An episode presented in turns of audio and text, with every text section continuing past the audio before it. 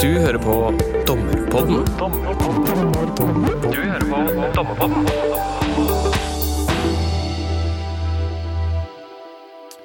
Velkommen til dagens utgave av Dommerpodden. Jeg heter Kasper Nygaard Thomsen og er dommerformektig i Oslo tingrett. Jeg skal være vert for dagens episode, som skal dreie seg om jordskifteretten.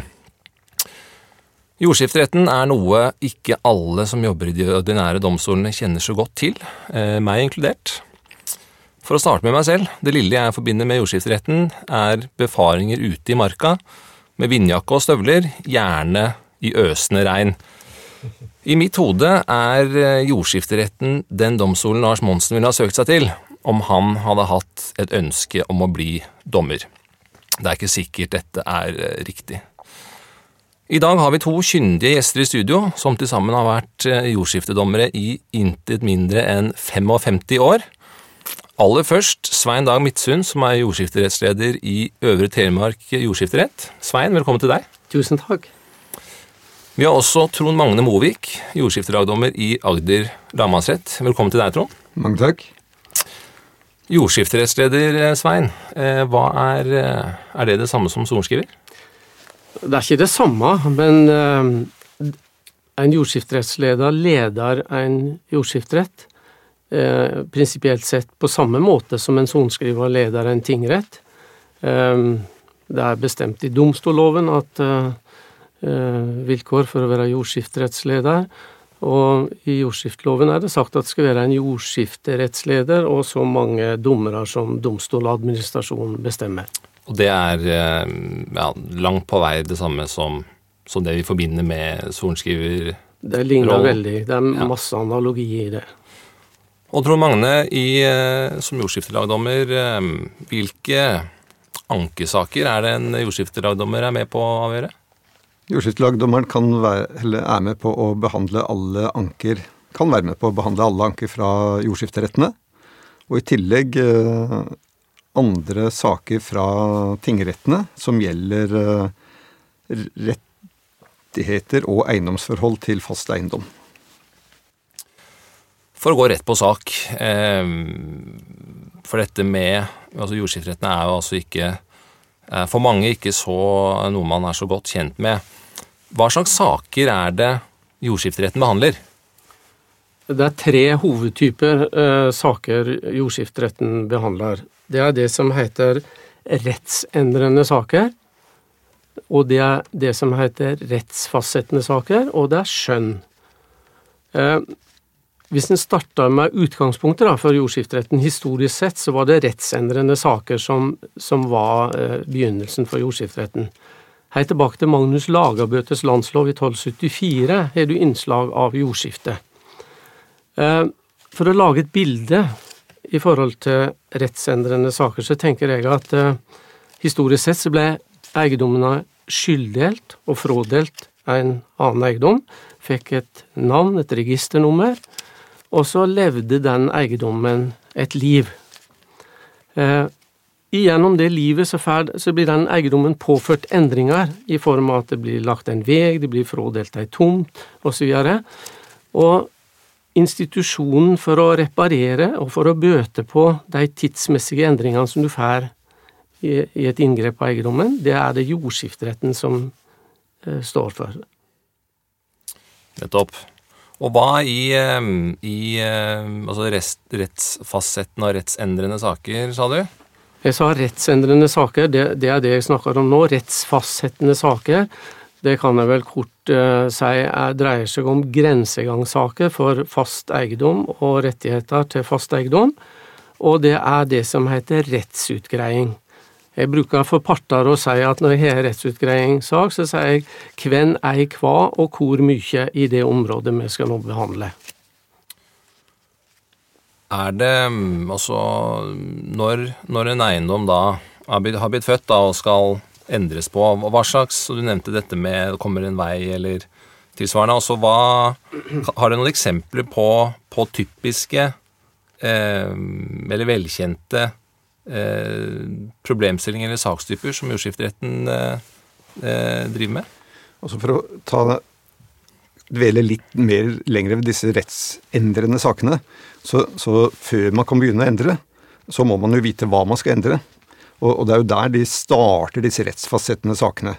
Sånn at som en del av de rettsendrende sakene, så starter man ofte med å klarlegge hva, hva er gjeldende rett.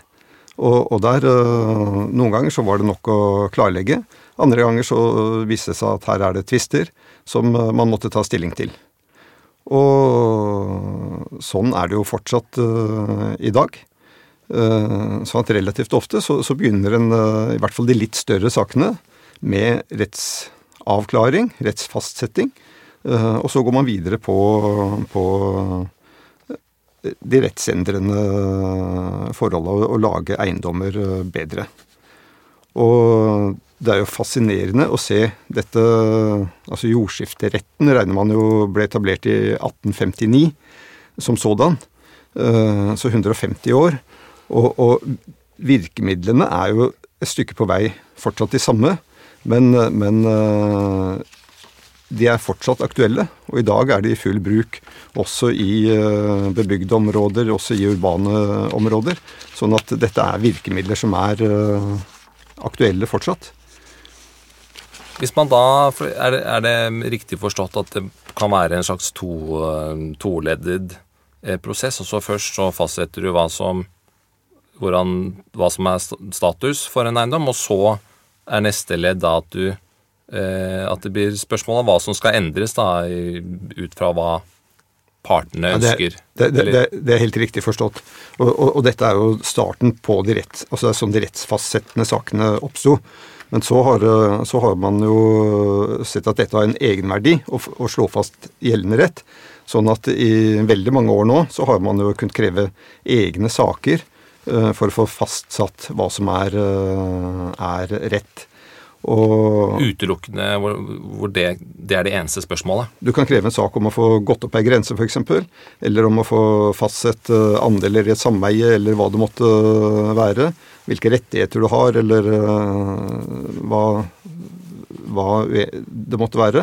Og dette kan jo være tvister, men, men uh, du kan også gå til jordskifteretten selv om det bare er en uklarhet når det gjelder disse, disse forholdene. Hvis, du, hvis, det er uklart og partene er usikre på hvor ei grense går, så kan man gå til jordskifteretten for å få klarlagt hvor den grensa går. Og det, det er vel, eller høres ut som noe man i de ordinære domstolene er eh, kjent med, altså det som eh, tidligere da, het fastsettelsesdom på, på, noe.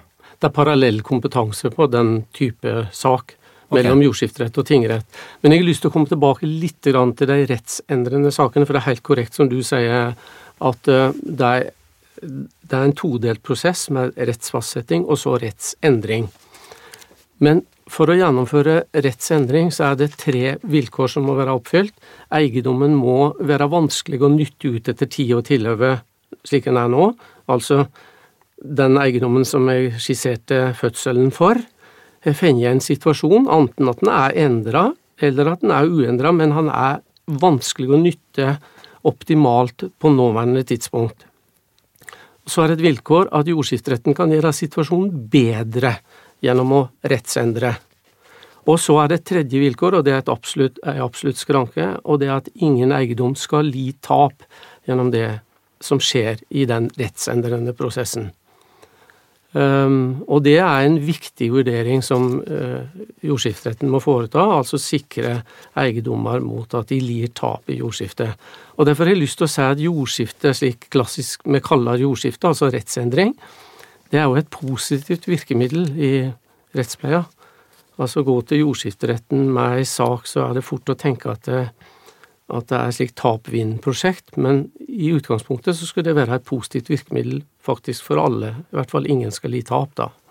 Det vil si at en av partene kan bruke som eh, innsigelse, da eventuelt, eh, at nei, nå vil eh, min eiendom lide tap. Nettopp. Ergo så skal man ikke gå videre med det som da må retten foreta en konkret vurdering av situasjonen for den eiendommen, og se hen til at den eiendommen faktisk ikke lider tap gjennom de endringsprosessene som det blir lagt opp til i jordskiftssaken. Og Det er jo et, en relativt vanlig ankegrunn også. At de er misfornøyd med den løsningen som jordskifteretten har kommet fram til, og anker den og påstår at uh, her lider min eiendom tap. I, i, i steg to her, da, rettsendrende saker. Hva Kan ikke dere gi noen eksempler, eller flere eksempler på hva, hva det typisk kan være? Ja, oppløsning av sameie er jo en type sak som har øh, vært praktisert i alle tider, og som fortsatt blir praktisert. Øh, du har jo både realsameier, altså arealområder som ligger i sameie mellom flere eiendommer, og hvor du gjør om på eiendommene ved å løse opp sameie og legge, legge arealer til full eiendom til hver enkelt, inntil hver enkelt eiendom. Det er jo typisk sånne ting som er aktuelt dersom det er, det er noe utbygging som er uh, forestående. Uh, vi har jo sett det både med vindmølleparker og hytteutbygging, og i det hele tatt så er dette en måte å rydde opp i eiendomsforholdene før den typen prosjekter. For, for da altså etablere sameie, sa du? Nei, løse opp sameiene. Løse opp sameiene. Så, så, sånn at hver enkelt kan uh, ta hånd om sin, sin eiendom. Og man, man slipper å, å, å, samarbeide med andre eiendommer for å få til uh, nye tiltak. Etablerer jordskifteretten også sameier? Ja, du spør godt nå. Eh, for, det, for, det, er faktisk en bestemmelse i jordskifteloven om at den kan etablere sameie. Og hvis du tenker deg et uh, urbant område da, med felles parkering, felles lekeplass osv., så, videre, så så kan det være aktuelt å etablere et sameie mellom Eh, eiendommer eller seksjoner, om det så er. Så da blir partene pålagt å være del av et sameie? Ja. Og vedtekter og sånt, da, er det opp til partene, eller er det Det utarbeider eh, normalt jordskifteretten i de sammenhengene der. Det utarbeides ganske mye eh, vedtekter for, for sameier i jordskifterettene. Både for, også for veier, men også andre typer eh, sameiere. Mm. Det jeg tenkte å nevne i neste tilknytta det med, med realsameier, er jo også oppløsning av personlige sameier, som er en sånn ganske liten sakstype, men som det er en eh, del av.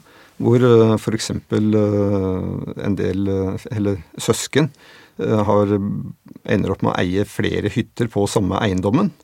Så kan du jo løse opp sameie, det personlige sameiet i eiendommen ved å dele den. Og Det har det vært en del, eh, del uh, eksempler på. Uh, jeg kan jo nevne et konkret eksempel eventuelt fra Kragerø-skjærgården en del år tilbake. Hvor det var en enke. Hun fikk tidlig på 1900-tallet utlagt en Eller hun fikk overta en eiendom.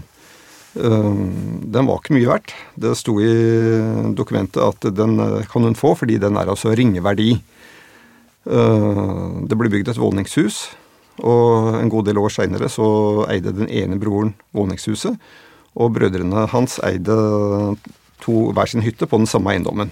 Og de kom til at dette er jo upraktisk. Eh, så de krevde å få løst den opp. Grensene ble trukket der det var naturlig.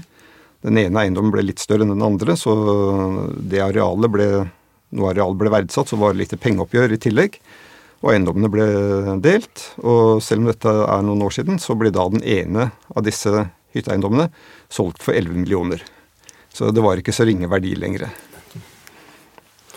Nå har vi snakka om eh, å løse opp sameie og skipe sameie. Og så har du et eh, tredje virkemiddel som går på arealbytte. Og det er jo et slikt klassisk jordskiftevirkemiddel. Altså hvis en eiendom blir mer tjenlig gjennom å bytte areal med naboen, eller flere bytter seg imellom, så er det grunnlag for ei jordskiftesak. Eh, som en eh, Jordskifteretten, eller utskiftningsvesenet, var jo i utgangspunktet et redskap for landbrukseiendommer. Og du hadde den klassiske teigblandingen, historisk sett, som, som da utløste store jordskiftesaker. Men fortsatt så har vi arealbyttesaker i jordskiftsretten. Og når er det de, eh, er det de blir aktuelle? Eh, for er det f.eks. hvis det skal bygges en diger vei, da? Eller en toglinje, eller noe sånt? Er det hvor man da, som får innvirkning for flere eiendommer, eh, er det i slike situasjoner at man bruker det virkemidlet du nevnte der, eller er det Ja, da er du inne på eh, noe som vel går i retning av det som heter tiltaksjordskifte, som er en egen heimel etter jordskifteloven, at offentlig styresmakt kan kreve jordskifte ved framføring av store infrastrukturanlegg, da, okay. som fører til at eh, Og da gjennomfører du Det er faktisk offentlige eller private tiltak, står det i loven nå. Ok. Um, da er det Arealbytte er et virkemiddel eh, i den type saker. Det fungerer jo ofte. altså Det er ikke noe vilkår at man kjøper opp grunn. Men, men eh, sånn som med veier f.eks. er jo et veldig godt eksempel. Og, og, og disse sakene blir løst på best måte når Vegvesenet da kjøper opp eiendommer, og eier da eiendommer i nærheten av eh, den nye veitraseen. Eh, og så krever de jordskifte, og så blir det jo veldig likt det du nevner. Så bytter de til seg veitraseen.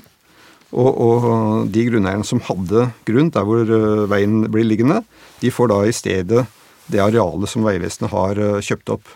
Og på den måten så kan du jo få eh, redusert skaden ved å føre fram veier i veldig stor grad. Det ble, var en evaluering av et sånt jordskifte i Vestfold for etter hvert ganske mange år siden. Men der kom man jo faktisk fram til at den store andelen av eiendommene ble bedre driftsøkonomiske enheter etter at veien var eh, ført fram. Og det er jo ganske sterkt. For det er da, blir det som et alternativ til ekspropriasjonserstatning? Da, at istedenfor at du får eh, at Vegvesenet i tilfellet er sånn, eh, tar arealet til vei, så, så gjør de for så vidt det, men de, istedenfor å gi ekspropriasjonserstatning, så får vedkommende eier da annet land i, i bytte, eh, som da jeg går ut fra at kan skje avtalebasert, men, men da alternativet er at jordskifteretten bestemmer det. Det er helt riktig. Men, men, men det kan jo også skje i kombinasjon med ekspropriasjon, naturligvis. At det blir det er fortsatt ulemper igjen som det blir utbetalt erstatning for. Nettopp. Og jordskifteretten er da skjønnsretten Ja. i de sakene. Er kombinerte saker. Ekspropriasjonssakene. Ja. Ja. Nettopp. Er det noen andre eh, til, eh, eksempel eller tilfeller hvor dette med bytte er eh, aktuelt? For nå, det var lett å forstå for en eh, som ikke er så god på, på jordskifteretten, dette med at noen kommer inn og skal bygge en trasé, da. Men, men når er det ellers man kan tenke seg at eh, pålagt bytte Hvis en gikk tilbake til bildet med fødselen til eiendommen, så skjer det jo f.eks. i landbruket ei teknologisk utvikling som gjør at strukturen på den eiendommen kan være dårlig etter tid og tilhøve i dag. Og det samme kan gjelde med naboeiendommen og flere eiendommer bortover. Da kan det utløse et behov for arealbytte som skaper bedre arrondering for minst én og helst flere eiendommer som er med i et eh, jordskifte av den type. Og det kan jo skje i mer eh, urbane områder. Eller altså det, det kan dukke opp et behov for å, å forandre noe på eiendomsutformingen. Nesten hvor som helst og når som helst. Det, det, det hender jo at grunneiere kommer til jordskifteretten og har et problem. Og kanskje i noen tilfeller så er løsningen på det problemet å bytte om litt på, på grunnen. Eller på gjøre om litt på eiendommene. Hva, en, eh, hva kan være et, eh, et problem som man kan be jordskifteretten om å hjelpe til med i eh, helt urbane strøk?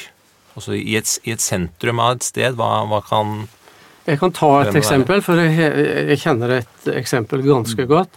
Norsk Hydro etablerte seg på Rjukan på tidlig 1900-tall.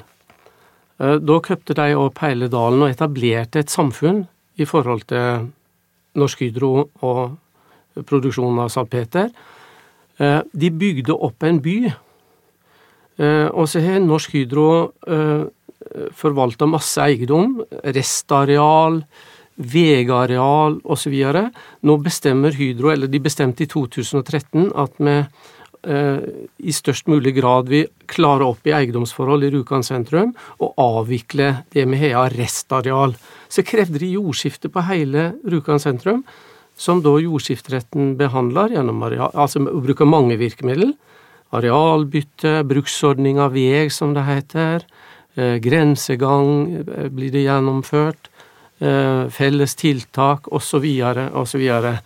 Um, så her hadde Hydro hånd om så mye eh, eiendom at de kunne kreve en nesten total gjennomgang av sentrum, rett og slett.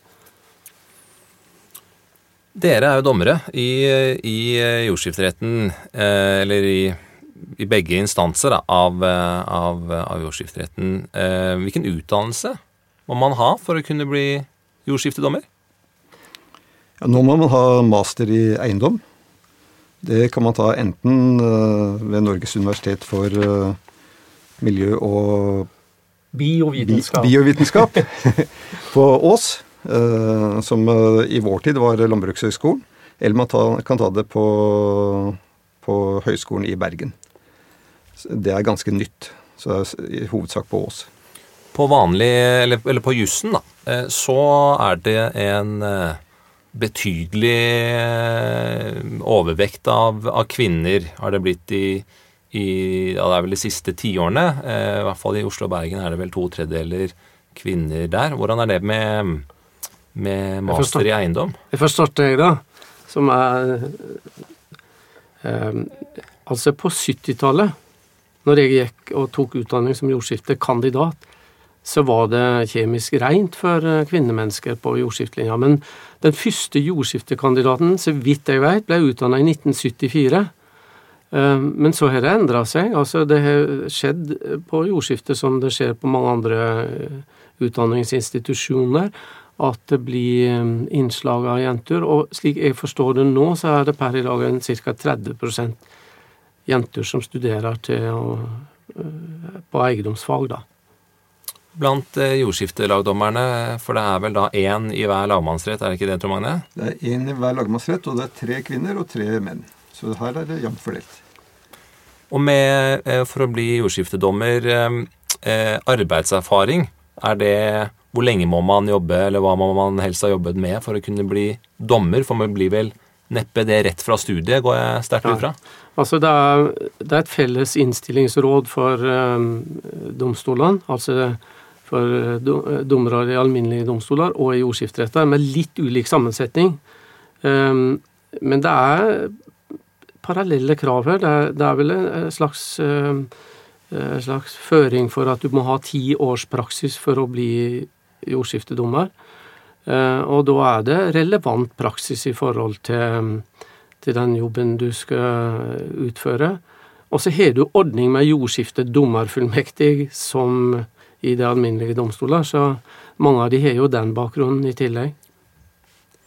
Og som eh, dommer i jordskifteretten, eh, hvordan eh, Hva er en eh, alminnelig uke eller måned, bare for å eh, ta, noen, ta, et eksempel. Eh, som, som jordskiftedommer, hva, hva er det, hvordan ser hverdagen ut? Du får svare, du som fortsatt er jordskiftedommer. Ja, jeg kan, jeg kan, svare på det. Altså, Det å være jordskiftedommer det, og hverdagen som jordskiftedommer varierer nok litt fra landsdel til landsdel. For eh, Altså, Jordskiftedommerarbeidet er jo prega at det i de fleste sakene krever markbefaring og markarbeid av ulike slag. Um, for min del, som da bor i et eh, vinterdistrikt om når det skal være vinter, så krever jo det at vi må ta saker på vinterstid som, eh, som ikke har det kravet til befaring som de andre sakene. Um, men ellers så legger vi opp en rettsmøteplan eh, med rettsmøte kanskje en gang per uke eller der omkring.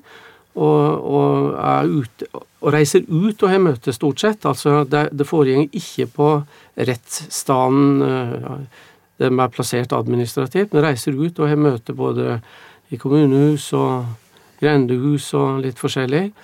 Um, så vi har møte, gjennomfører eh, det, har befaring, og så er det å skrive avgjørelse eller dom, og så er det vi er utstyrt med ingeniører som da gjennomfører markarbeid i etterkant av det igjen. da. Men også for dommeren, da, eh, så, så er man ute på befaring, skjønner jeg da. Ja. Eh, Men hvis man da ikke gjør det om vinteren, og så er da Betyr det at, at det er vår og sommer og vel kanskje da også høst som er høysesong da, for befaringer, eller? ja, hvis du spør meg, og det gjør du jo nå, Det det. og da er det For meg er det naturlig å svare ja på det spørsmålet. Det er høgsesong for jordskiftearbeid fra april til november for min del, men dette varierer veldig. For det er jo, det er jo deler av landet som ikke har den begrensningen i seg. Eh, slik at det er nok et mer jevnt eh, sig av saksbehandling på andre kontor enn hos oss. Men for vår del så er det klart eh, en intensiv periode så lenge vi kan ha markbefaring, altså møtesesong. Men du, du spurte jo om jordskiftedommers hverdag, og jeg tenkte det kunne være litt morsomt å se på et par ting som skiller den fra en vanlig dommers hverdag.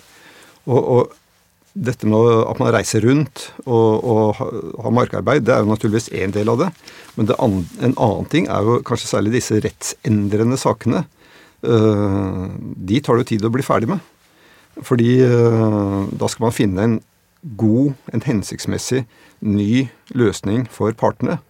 Og, og da har man jo et rettsmøte med partene, og så utarbeider jordskifteretten et forslag til løsning eh, som sendes partene, og som normalt skal drøftes i et nytt møte med partene.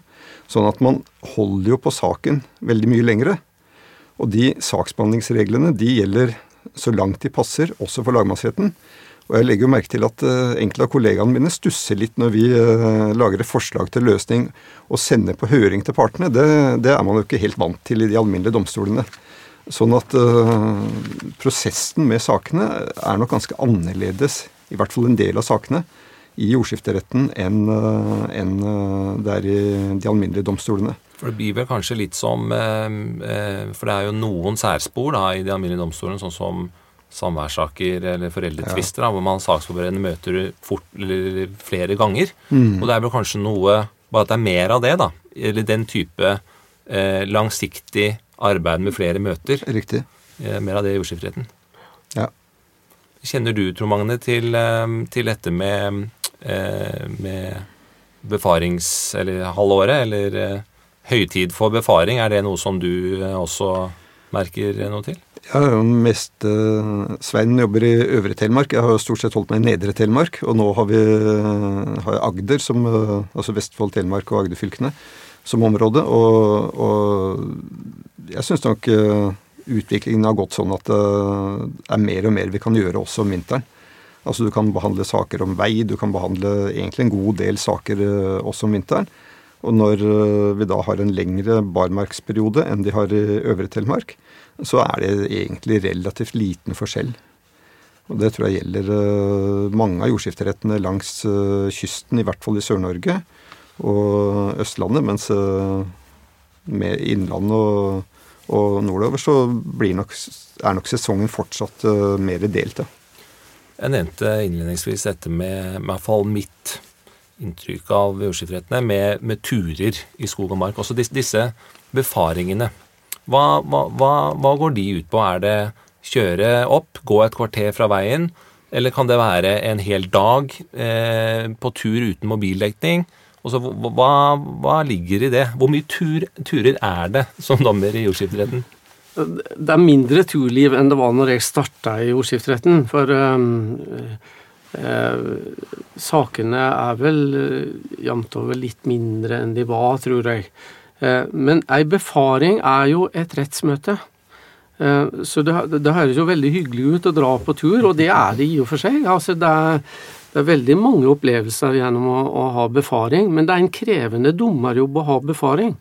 For du, du, du, skal, du har jo et program. Du skal se på eh, ting i, i terrenget som, som rett og slett er objekt for befaringen. Det er jo viktig. Og har du meddommere med, så er du jo litt slik eh, vaktbikkje i forhold til at eh, det kan jo ha en tendens til å bli hyggelig på ei befaring. Eh, og en må jo passe på at den hyggeligheten ikke går over til eh, relasjonsbygging mellom både den ene og den andre. Um, så så eh, altså, befaring er ikke fullt så mye friluftsliv som mange kan tenke. Men det er, det er en del av rettsmøtet, rett og slett. Hvor lange er disse turene, eller kan de være? Hvis man skal befare en, en hel eiendom eh, oppi, oppi fjellet, jeg Ja. vet ikke hvor, hva Altså, jeg har, hatt, jeg har hatt overnatting på befaringsarbeid, jeg. Altså at vi har befart i to-tre dager med kolossale grensestrekninger, f.eks. Men normalen nå er vel at befaring er fra to timer til en dag, kanskje. Og Ja, og kanskje kortere enn det også, Ja, tenker jeg. ja. Altså si én til tre timer eller eh, noe i den duren. Eh, Det er mulig jeg spør dumt der nå, men helikopter, er det, kunne det brukes det? Jeg har brukt det. Det har brukt det? Ja, ja. I de eh, rettsmøtene som, eh, som er eh, ikke på befaring, da, men som er i et lokale, som jeg skjønner da gjerne er ikke i der hvor selve jordskifteretten har, har holder hus, men rundt omkring, da. Hvordan er, hvor høytidelige er de? Altså er det kappe, klubbe, eh, streng ramme? Hva, hva snakker vi? Ehm, vi har, vi har rettsmøte òg Vi er samlokalisert med tingretten og har rettssal. Og det hender vi har rettsmøte i rettssalen. Eh, Jeg vil si det at møte Altså når det gjelder kappe og klubbe, så er kappe for min del ikke. Eh, Klubbe har jeg vel så vidt brukt, og jeg veit at det blir bruka i enkelte jordskifteretter. Det er ikke vanlig eh, i, i mitt dagligliv. Um, og, og det som er det som er å si om rettsmøtet i jordskifteretten, det har alt ifra kjempeformalisme og vanlig eh, som sivil rettergang, behandling, helt analogt, vil jeg si, til å ha Altså når vi skal løse et problem for to som har problem med eiendom, så, så kan det være et møte som mer bepreger at vi kommuniserer sammen, enn at jeg kjører et strengt formelt rettsmøte. Og temperaturen da i, i rettsmøtene, hvordan, eh, hvordan eh, er de? Eller hvordan er den? Jeg har tenkt mange ganger at eh, det er visse områder som en opplever livet på. Det er religion, kjærlighet og eiendom. Og det er, det er sprengstoff i følelseslivet.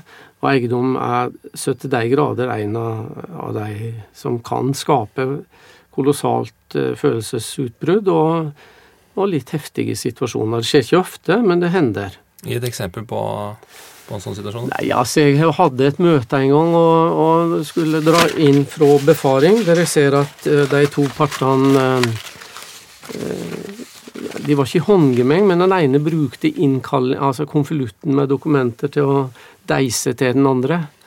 Så det, er, det, det topper seg rett og slett av og til i, i jordskifteretten. Og, og når eh, Vi nærmer oss slutten, men, eh, men eh, når, når Svein har avsagt en dom, og, og den blir anket, Trond Magne -hmm. For dere er jo i samme, samme krets. Hvor, du er jo da eneste lagdommer, nei, eneste jordskiftelagdommer i Agder Rammaset. stemmer. Hvordan eh, behandles ankesakene da? Hvis det er som du sier at eh, det er en dom som ankes, så blir den behandlet på vanlig måte. Normalt så vil jeg være en av de tre lagdommerne som behandler den. Hvis det er en jordskifteavgjørelse som ankes, så må jordskiftelagdommeren være med.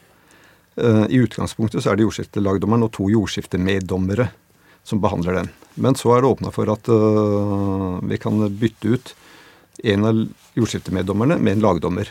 Og da blir det en lagdommer, jordskiftelagdommeren og en jordskiftemeddommer. Som er en veldig interessant sammensetning av eh, retten. Da får du god spredning i kompetansen. Den har vi brukt en del, og det er rett og slett ganske morsomt. Så er det jo sånn at uh, hvis det ankes over både dom og jordskifteavgjørelse i samme saken, og det er ikke så helt sjelden, så er det, står førstelagmann ganske fritt til å sette sammen retten. Men i hvert fall i Agder så pleier vi å bruke nettopp den sammensetningen da. At vi har én lagdommer, en jordskiftelagdommer og en meddommer. Og den meddommeren, er det en, eh, Det- hentet fra en uh, tilfeldig liste, eller av uh, sånn som det er i meddommer i meddommerlistene i, i straffesaker i de ordinære domstolene?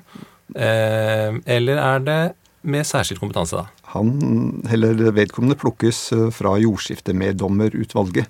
Eget utvalg i kommunene for, med jordskiftemeddommere.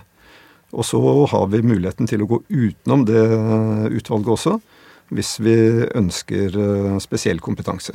Og det har vi faktisk gjort i en ganske spesiell sak.